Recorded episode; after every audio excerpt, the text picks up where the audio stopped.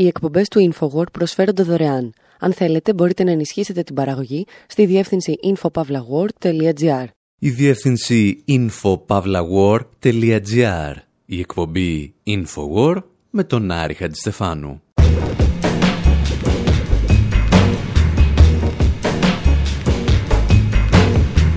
όπου σήμερα αναρωτιόμαστε εάν τελικά ο πόλεμος των έξι ημερών διήρκησε σχεδόν 19.000 ημέρες και αν πρόκειται ποτέ να τελειώσει.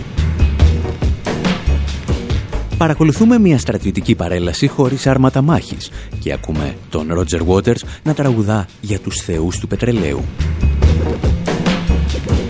Αναρωτιόμαστε εάν ο Dick Cheney έχει βάλει για άλλη μια φορά το δακτυλάκι του για να τεινάξει στον αέρα ολόκληρη τη Μέση Ανατολή σε συνεργασία με τον Ρούμπερτ Μέρντοχ και την παλιοπαρέα του. Συζητάμε δηλαδή για τα υψίπεδα του Γκολάν με ένα μικρό φόβο μήπως στην πραγματικότητα συζητάμε και για την Κύπρο. Πρώτα όμως θα αφήσουμε να ηχήσουν τα τύμπανα του πολέμου και ήταν η μέρα Σάμπατον.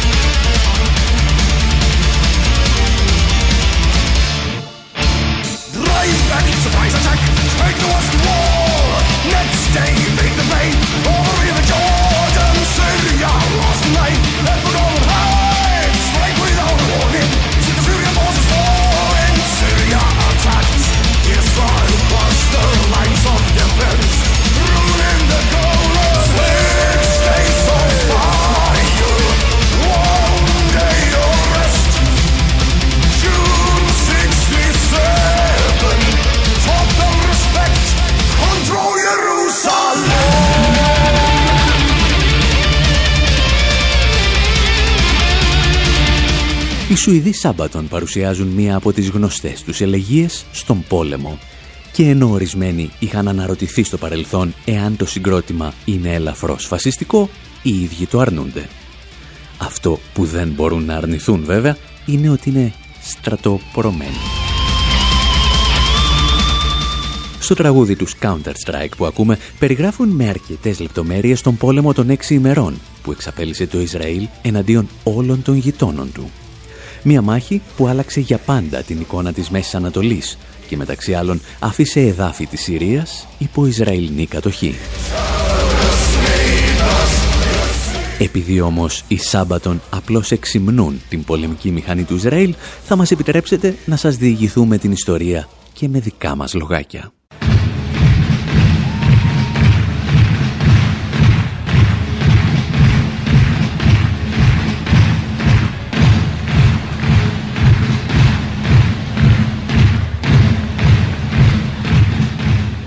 15 Μαΐου 1967. Το Ισραήλ γιορτάζει την επέτειο της ανεξαρτησίας του με την καθιερωμένη στρατιωτική παρέλαση στην Ιερουσαλήμ. Δεν χρειαζόταν όμως να είναι κανείς αναλυτής αμυντικών θεμάτων για να καταλάβει ότι εκείνη η παρέλαση είχε κάτι περίεργο. Δεν υπήρχαν άρματα μάχης. Ένας από τους πρώτους ανθρώπους που το συνειδητοποίησαν ήταν ο ηγέτης της Αιγύπτου Γκαμάλ Αλ-Νάσερ και αμέσως σήμανε συναγερμό. Το Ισραήλ, είπε, προετοιμάζει κάποια στρατιωτική επιχείρηση. Ο Νάσερ είχε απόλυτο δίκιο. Σχεδόν ένα μήνα αργότερα, στις 5 Ιουνίου, ο Ισραηλινός στρατός ξεκινά τον λεγόμενο πόλεμο των έξι ημερών. War in the Middle East. Israeli forces drive spearheads across the Sinai Peninsula, west to the Suez Canal, south to the entrance of the Gulf of Aqaba, breaking the blockade, capturing the west bank of the Jordan River, and occupying the old city of Jerusalem. Τα αμερικανικά επίκαιρα της εποχής περιέγραφαν μια θεαματική όσο και δραματική επιχείρηση που ευνηδίασε τους γείτονες του Ισραήλ. Υπό τις εντολές του μονόφθαλμου στρατηγού Μοσέντα Γιάν, η Ισραηλινή αεροπορία εξαπολύει γενικευμένες επιδρομές στην Αίγυπτο, την Ιορδανία, τη Συρία, αλλά ακόμη και σε περιοχές του Ιράκ. Μέσα σε λίγες ώρες, το Ισραήλ έχει καταστρέψει 25 αεροπορικές βάσεις των αντιπάλων του και τουλάχιστον 400 αεροσκάφη τους. Η ολοκληρωτική νίκη θα έρθει σε 6 ημέρες. Πρόκειται για μία από τις πλέον σύντομες και σαρωτικές νίκες στην παγκόσμια ιστορία του πολέμου. Και τα αμερικανικά επίκαιρα ήταν και πάλι εκεί για να περιγράψουν το αποτέλεσμα.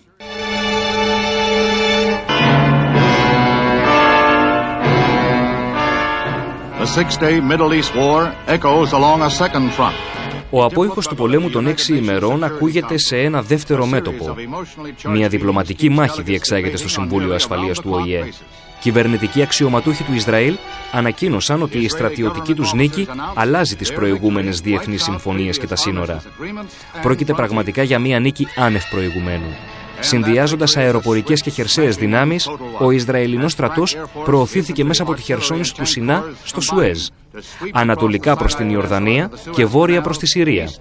Χιλιάδες στρατιώτες εχμαλωτίστηκαν, ενώ η Ιορδανία ανακοίνωσε ότι έχασε 15.000 στρατιώτες.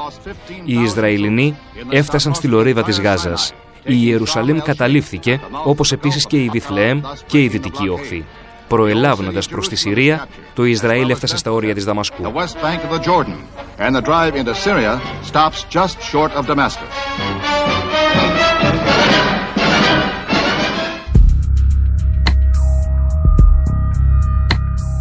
Η σημασία της νίκης των Ισραηλινών δεν περιορίστηκε στις τεράστιες εδαφικές κατακτήσεις.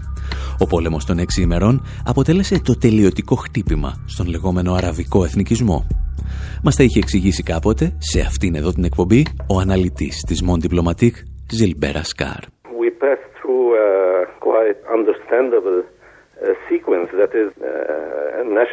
Το πέρασμα από τη μία κατάσταση στην άλλη είναι κατανοητό. Ο αραβικός εθνικισμός έφτασε στα όρια του και ιτήθηκε στα τέλη της δεκαετίας του 60. Η ήττα έγινε εμφανής όταν η Αίγυπτος και η Συρία, που αποτελούσαν τους βασικούς πυλώνες του αραβικού εθνικισμού, ιτήθηκαν το 1967 από το Ισραήλ.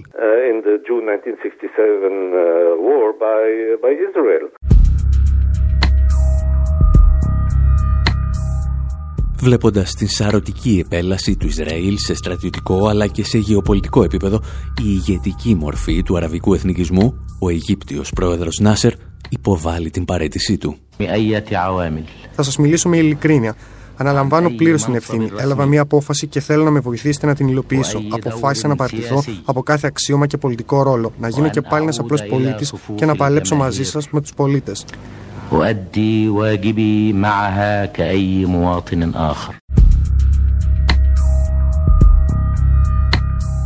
Η παρέτηση του Νάσερ δεν θα γίνει τελικά δεκτή. Ο πολιτικός του θάνατος όμως έχει ήδη επέλθει μαζί με τον προαναγγελθέντα θάνατο του αραβικού εθνικισμού. Και λίγα χρόνια αργότερα θα έρθει και ο φυσικός θάνατος. Μας έλεγε και πάλι ο Ζιλμπέρα Σκάρ.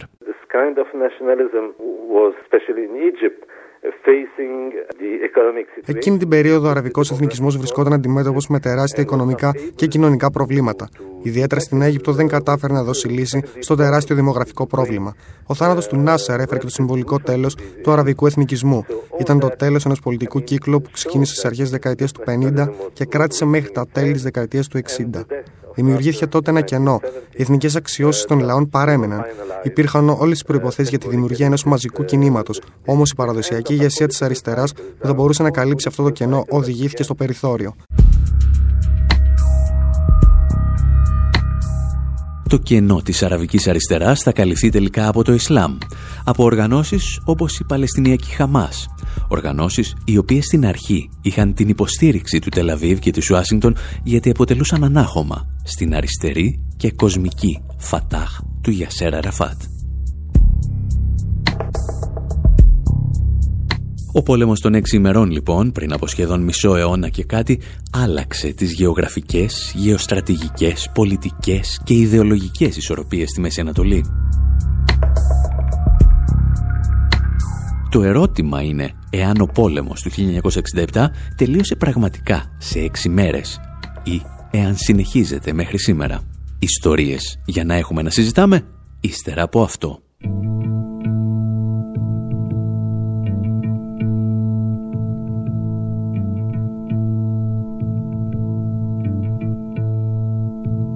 At the starting of the week, at Summit Talks, you'll hear them speak.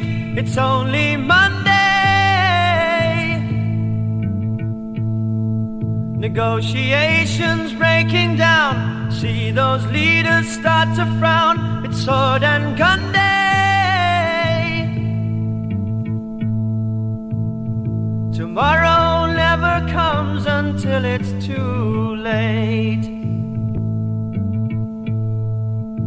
You could be sitting taking lunch, the news will hit you like a punch. It's only Tuesday. You never thought we'd go to war after all the things we saw. It's April Fool's Day.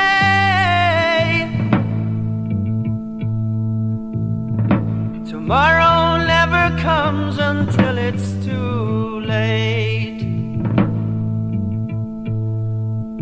We'll all go running underground and we'll be listening for the sound. It's only Wednesday.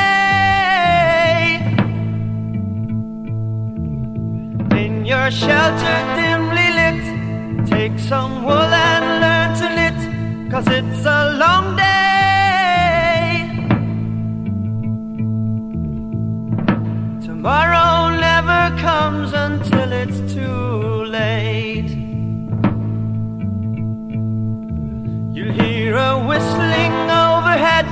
Are you alive or are you dead? It's only Thursday. You feel the shaking of the ground. A million candles burn around. Is it your birthday?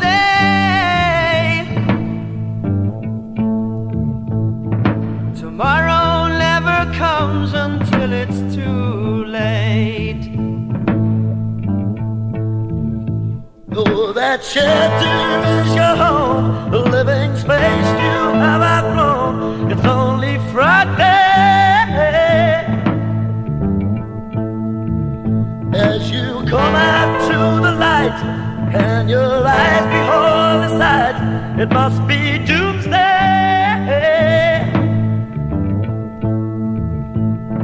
Tomorrow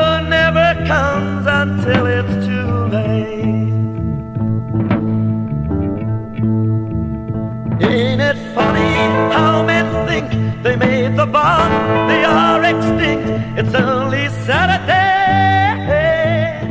Στην εκπομπή Infowar με τον Άρη Χατζηστεφάνου συζητάμε για τον πόλεμο των έξι ημερών και ακούμε τους Colonel Bagshot να τραγουδούν το Six Days War, λίγα μόλις χρόνια μετά τον πόλεμο των έξι ημερών. Ένα τραγούδι που πιθανότατα να ακούσατε για πρώτη φορά από τη διασκευή του DJ Shadow. Και αφορμή για όλες αυτές τις ιστορίες που διηγούμαστε ήταν η απόφαση του Αμερικανού Προέδρου να αναγνωρίσει στο Ισραήλ τα κατεχόμενα εδάφη της Συρίας στα υψίπεδα του Γκολάν με ένα tweet. Πριν από περίπου μία δεκαετία, ο Τζόναθαν Φρίντλαν έγραψε στο Guardian ότι ο πόλεμος των έξι ημερών δεν τελείωσε ποτέ. Συνεχιζόταν, έλεγε, εδώ και 14.600 ημέρες. Και αν μετράμε σωστά, σήμερα θα πρέπει να πούμε ότι συνεχίζεται για σχεδόν 19.000 ημέρες. Αυτός ο πόλεμος, υποστηρίζει ο εβραϊκής καταγωγής δημοσιογράφος, μετέτρεψε το Ισραήλ σε κατακτητή και κάθε κατακτητής θα γνωρίσει την αντίσταση. Το Ισραήλ τη γνώρισε το 1987 με την πρώτη Ιντιφάντα και το 2000 με τη δεύτερη. Για τον Φρίντλαντ, ο πόλεμος των έξι ημερών θα τερματιστεί μόνο όταν το Τελαβίβ επιστρέψει στους Παλαιστίνιους τη λωρίδα της Γάζας και τη Δυτική Όχθη. Μόνο έτσι θα είναι μια αληθινή δημοκρατία. Διαφορετικά, έλεγε, θα είναι ένα στρατός κατοχής. Παρόμοια επιχειρήματα παρουσίαζε τότε και ο Economist. Η κατάληψη του αραβικού τμήματος της Ιερουσαλήμ, έγραφε το βρετανικό περιοδικό, αποτελεί ύβριν. Όσο για τον επικισμό των κατεχόμενων εδαφών, το πρόβλημα, έλεγε, δεν είναι ότι ήταν παράνομοι, αλλά κυρίως ότι ήταν παράλογοι. Εξυπηρετούσαν απλώς τα όνειρα ορισμένων για ένα μεγάλο Ισραήλ. Η λύση λοιπόν για τον Economist ήταν τότε μια επιστροφή στα σύνορα που υπήρχαν πριν από τον πόλεμο των έξι ημερών. Αυτά όμως έγραφαν οι εφημερίδες και τα περιοδικά της δύσης στην επέτειο των 40 χρόνων από τον πόλεμο των έξι ημερών. Τα πράγματα όμως πήραν έκτοτε δραματική τροπή σε διπλωματικό επίπεδο. Οι Ηνωμένες Πολιτείες όχι μόνο δεν μιλούν πλέον για επιστροφή στα σύνορα πριν από το 1967, όπως απαιτεί ο ΙΕ, αλλά αναγνωρίζουν την Ιερουσαλήμ σαν πρωτεύουσα του Ισραήλ. Αυτό που έκανε δηλαδή σιωπηρά και ο Πρωθυπουργός της Ελλάδας. Και ενώ κανένας δεν συζητάει για την επιστροφή των κατεχόμενων εδαφών στη λωρίδα της Γάζας και τη Δυτική Όχθη, η Ουάσιντον προχωρά ένα βήμα παραπέρα. Αναγνωρίζει το κατοχικό καθεστώς του Ισραήλ στα εδάφη της Συρίας και συγκεκριμένα στα υψίπεδα του Γκολάν. Εδώ όμως η Φάβα έχει πολλούς λάκους με πετρέλαιο, για τους οποίους θα συζητήσουμε στο δεύτερο μέρος της εκπομπής. Πριν σας αφήσουμε όμως για το μικρό μας διάλειμμα, να σας θυμίσουμε ότι και αυτή την εβδομάδα μπορείτε να παρακολουθήσετε το νέο μας ντοκιμαντέρ Make the Economy Scream για τη Βενεζουέλα, στην Αθήνα, τη Θεσσαλονίκη αλλά και τη Λεμεσό. Και πληροφορίες για κάθε προβολή θα βρείτε στη διεύθυνσή μας maketheeconomyscream.com I don't read the newspapers because they all have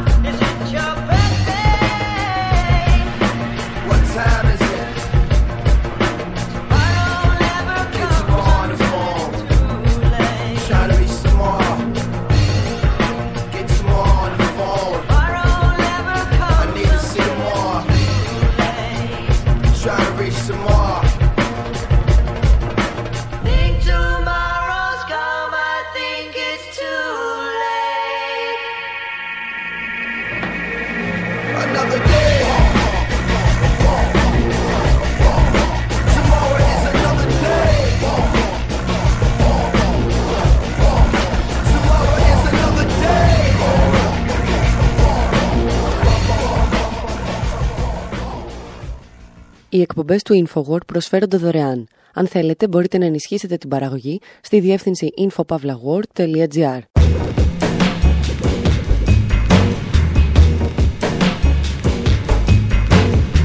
Εκπομπή InfoWord, μέρος δεύτερο όπου αφού θυμηθήκαμε τον πόλεμο των έξι ημερών που άλλαξε για πάντα το πρόσωπο της Μέσης Ανατολής, θέλουμε να εστιάσουμε λίγο περισσότερο στα υψίπεδα του Γκολάν. Ίσως πάλι γιατί η δυσοσμία να οφείλεται και σε ορισμένους Αμερικανούς αξιωματούχους και μεγιστάνες των μέσων ενημέρωσης που θα κερδίσουν μερικά δισεκατομμύρια εάν οι Ηνωμένες Πολιτείες αναγνωρίσουν τη στρατιωτική κατοχή του Ισραήλ στο έδαφος της Συρίας. Ίσως τέλος, γιατί αυτή η ιστορία έχει να μας διδάξει μερικά πραγματάκια και για την κατοχή της Κύπρου. Για όλα αυτά όμως θα χρειαστούμε τη βοήθεια ενός εξαιρετικού πολιτικού αναλυτή, του Roger Waters, από τους Pink Floyd.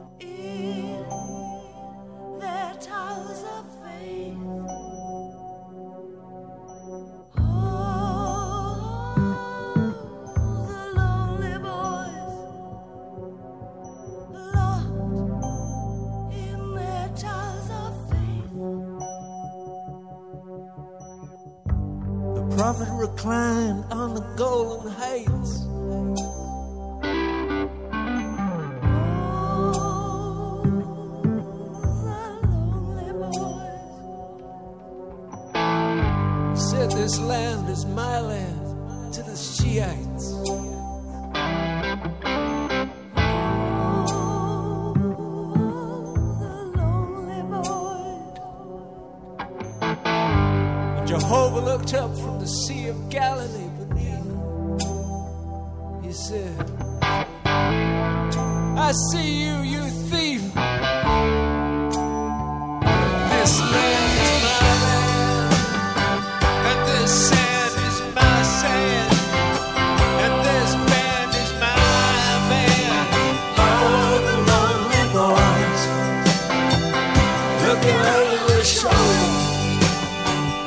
Check it out every boulder in the park when the gates are closed for night after dark.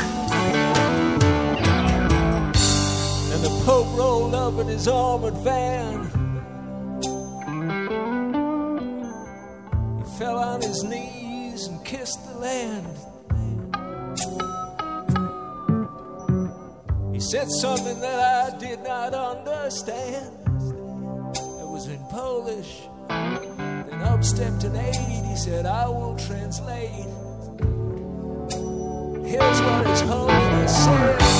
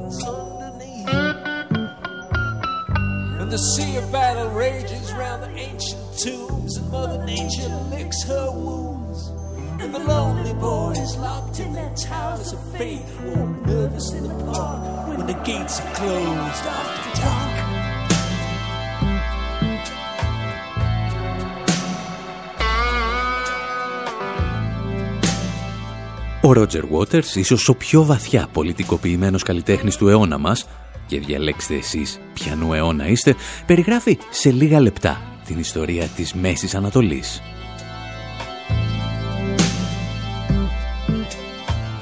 Μιλάει για τις μονοθεϊστικές θρησκείες που διεκδίκησαν τα εδάφη της περιοχής στο όνομα του Θεού και αν προσέξετε ξεκινά με μια αναφορά στον Γκολάν. Εμάς όμως μας ενδιαφέρει ο Θεός με τον οποίο ολοκληρώνει το τραγούδι του. Ένας επιχειρηματίας στη Νέα Υόρκη που δηλώνει ότι δεν τον ενδιαφέρει σε ποιον ανήκει το έδαφος της Μέσης Ανατολής, αρκεί να ελέγχει το υπέδαφος και το πετρέλαιο που βρίσκεται εκεί. Και έχουμε την εντύπωση ότι κανένα άλλο τραγούδι δεν συνδυάζει τόσο αρμονικά τα υψίπεδα του Γκολάν με το πετρέλαιο. Το θέμα που θέλουμε να συζητήσουμε και εμείς σήμερα.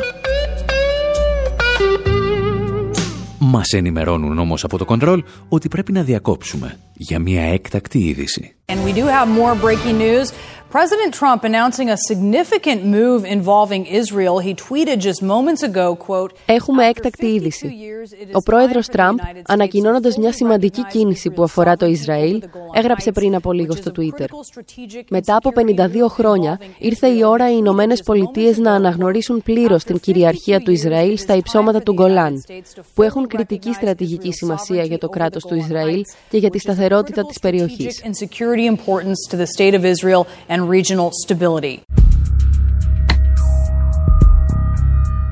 Ο πρόεδρος Τραμπ λοιπόν με ένα tweet τίναξε στον αέρα μισό αιώνα διπλωματικής ιστορίας. Και μαζί τίναξε στον αέρα ίσως την βασικότερη αρχή του Οργανισμού Ηνωμένων Εθνών. Ότι δεν μπορούμε ποτέ να αναγνωρίζουμε εδάφη που κατακτήθηκαν με πολεμικές επιχειρήσεις. Όπως κατέλαβε δηλαδή το Ισραήλ τα υψίπεδα του Γκολάν από τη Συρία ή όπως κατέλαβε η Τουρκία την μισή Κύπρο.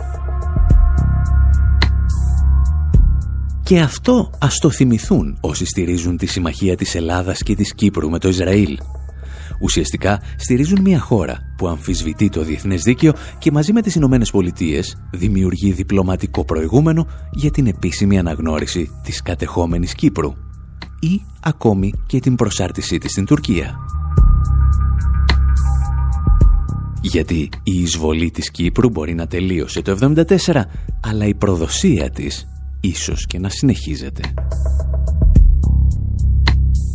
Εμείς όμως εδώ συζητάμε σήμερα για τα υψίπεδα του Γκολάν και έχει φτάσει η στιγμή που ο Ισραηλινός Πρωθυπουργός Βενιαμίν Νετανιάχου σχεδόν δακρυσμένος ευχαριστεί τον Ντόναλτ Τραμπ τον άνθρωπο που αναγνώρισε έναν επεκτατικό πόλεμο κατά παράβαση κάθε έννοιας διεθνούς δικαίου. President Trump has just made history.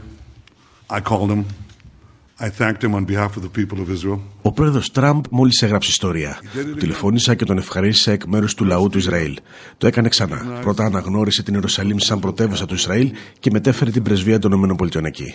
Αλλά τώρα έκανε κάτι άλλο, ίδιας ιστορικής σημασίας. Αναγνώρισε την κυριαρχία του Ισραήλ στα υψώματα του Γκολάν. Και το έκανε αυτό σε μια στιγμή που το Ιράν προσπαθεί να χρησιμοποιήσει τη Συρία σαν πλατφόρμα για να επιτεθεί και να καταστρέψει το Ισραήλ. Και το μήνυμα που έστειλε ο πρόεδρος Τραμπ σε όλο τον κόσμο είναι ότι η Αμερική στέκεται στο πλευρό του Ισραήλ.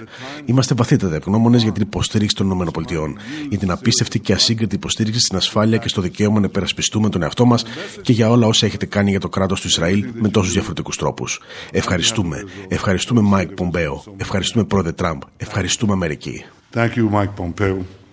Thank you, President Trump. And thank you, America.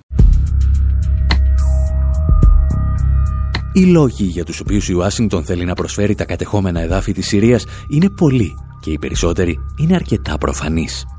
Το Ισραηλινό λόμπι πληρώνει αδρά πολιτικούς και από τα δύο κόμματα των Ηνωμένων Πολιτειών και όποιος διαφωνεί μαζί του στιγματίζεται αυτομάτως σαν αντισημίτης.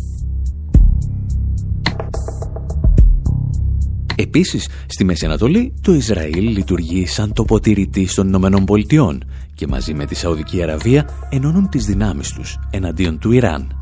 Μιας χώρας η οποία αποτελούσε τον σημαντικότερο πυλώνα της Ουάσιγκτον στην περιοχή μέχρι την Ιρανική Επανάσταση. Αυτά όμως είναι τα προφανή. Και κάτω από τα προφανή υπάρχει πολύ πετρέλαιο και μια αμερικανική εταιρεία που το διεκδικεί. Ιστορίες για να έχουμε να λέμε ύστερα από αυτό.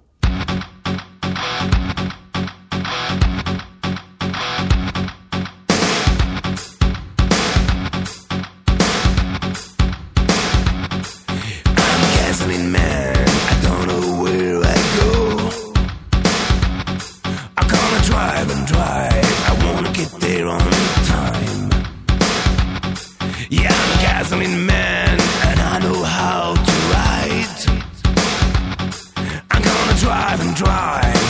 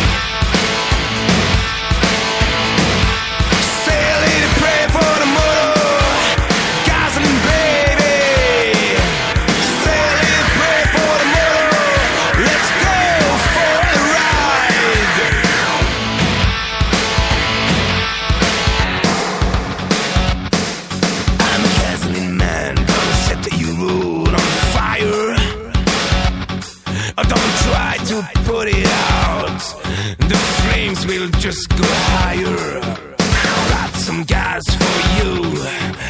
Got some gas for me. But tonight I know won't have enough for two.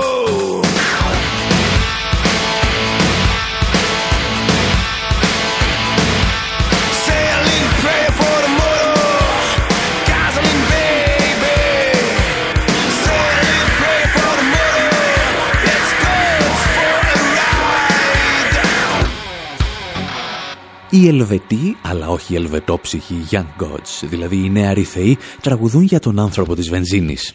Πάνω κάτω δηλαδή, μας λένε για θεούς και για πετρέλαιο, όπως έκανε και ο Ρότζερ Waters στο προηγούμενο τραγούδι που ακούσαμε.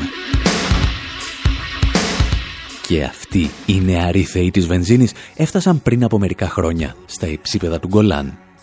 Τα εξηγούσε τότε το Russia Today, αλλά κανένας δεν του έδινε σημασία.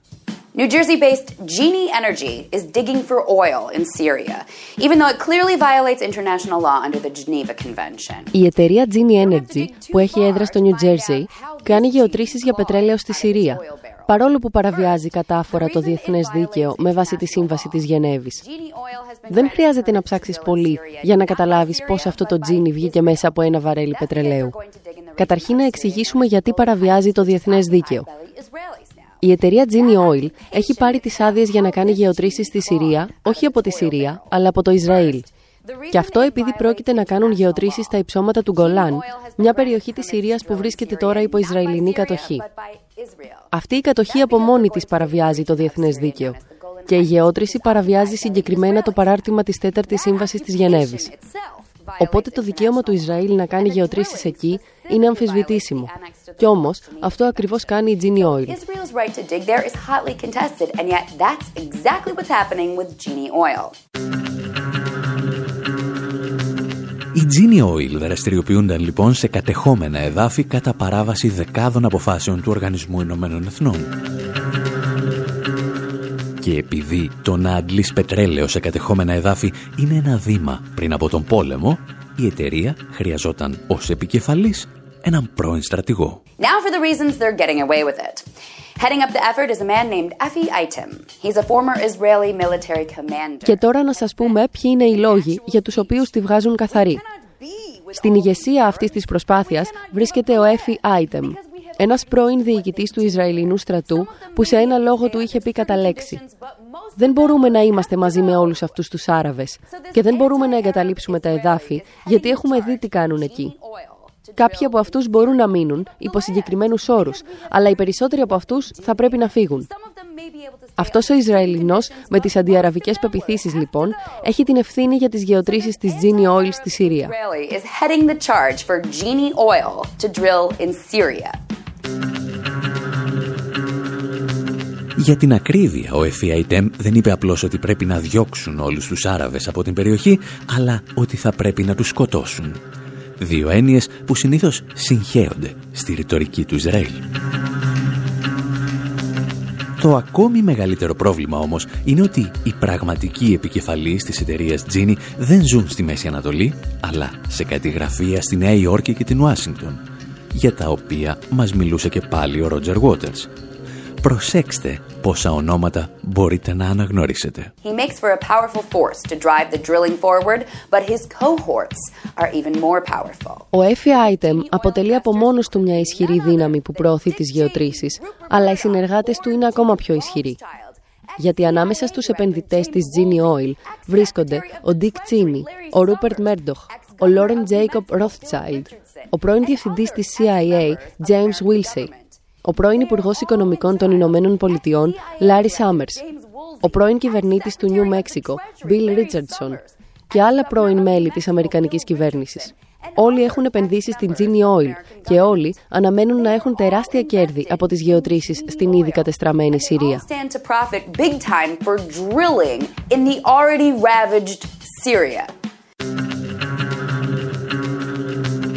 Σε μια εταιρεία λοιπόν που πίεζε για να αναγνωριστούν τα υψίπεδα του Γκολάν στο Ισραήλ, συναντάμε τον πρώην αντιπρόεδρο Ντίκ Τσένι, ο οποίος συμπτωματικά ήταν και διευθύνων σύμβουλος της Χάλι Μπάρτον, που κέρδισε μερικά δισεκατομμύρια από την εισβολή και κατάληψη του Ιράκ. Επίσης συναντάμε τον πρώην διευθυντή της CIA, James Welsi, αν δεν θυμάστε, ήταν ο άνθρωπος, ο οποίος λίγες μόλις ώρες μετά τις επιθέσεις της 11 Σεπτεμβρίου βγήκε στην τηλεόραση και κατηγόρησε ευθέως το Ιράκ. Ακόμη στην Τζίνη συμμετέχει ο μεγιστάνας των μέσων ενημέρωσης Ρούμπερτ Μέρντοχ, ο οποίος χρησιμοποιούσε την αυτοκρατορία του για να προετοιμάσει τη διεθνή κοινή γνώμη για την εισβολή στο Ιράκ. Και όλοι αυτοί οι άνθρωποι θα θησαυρίσουν και πάλι εάν προχωρήσει η αναγνώριση των κατεχόμενων εδαφών στα υψίπεδα του Γκολάν, έστω και μόνο μερός, μόνο από τις Ηνωμένες Πολιτείες. Είναι και αυτός ένας σημαντικός λόγος για τον πρόεδρο Τραμπ να προσφέρει στο Ισραήλ εδάφη της Συρίας.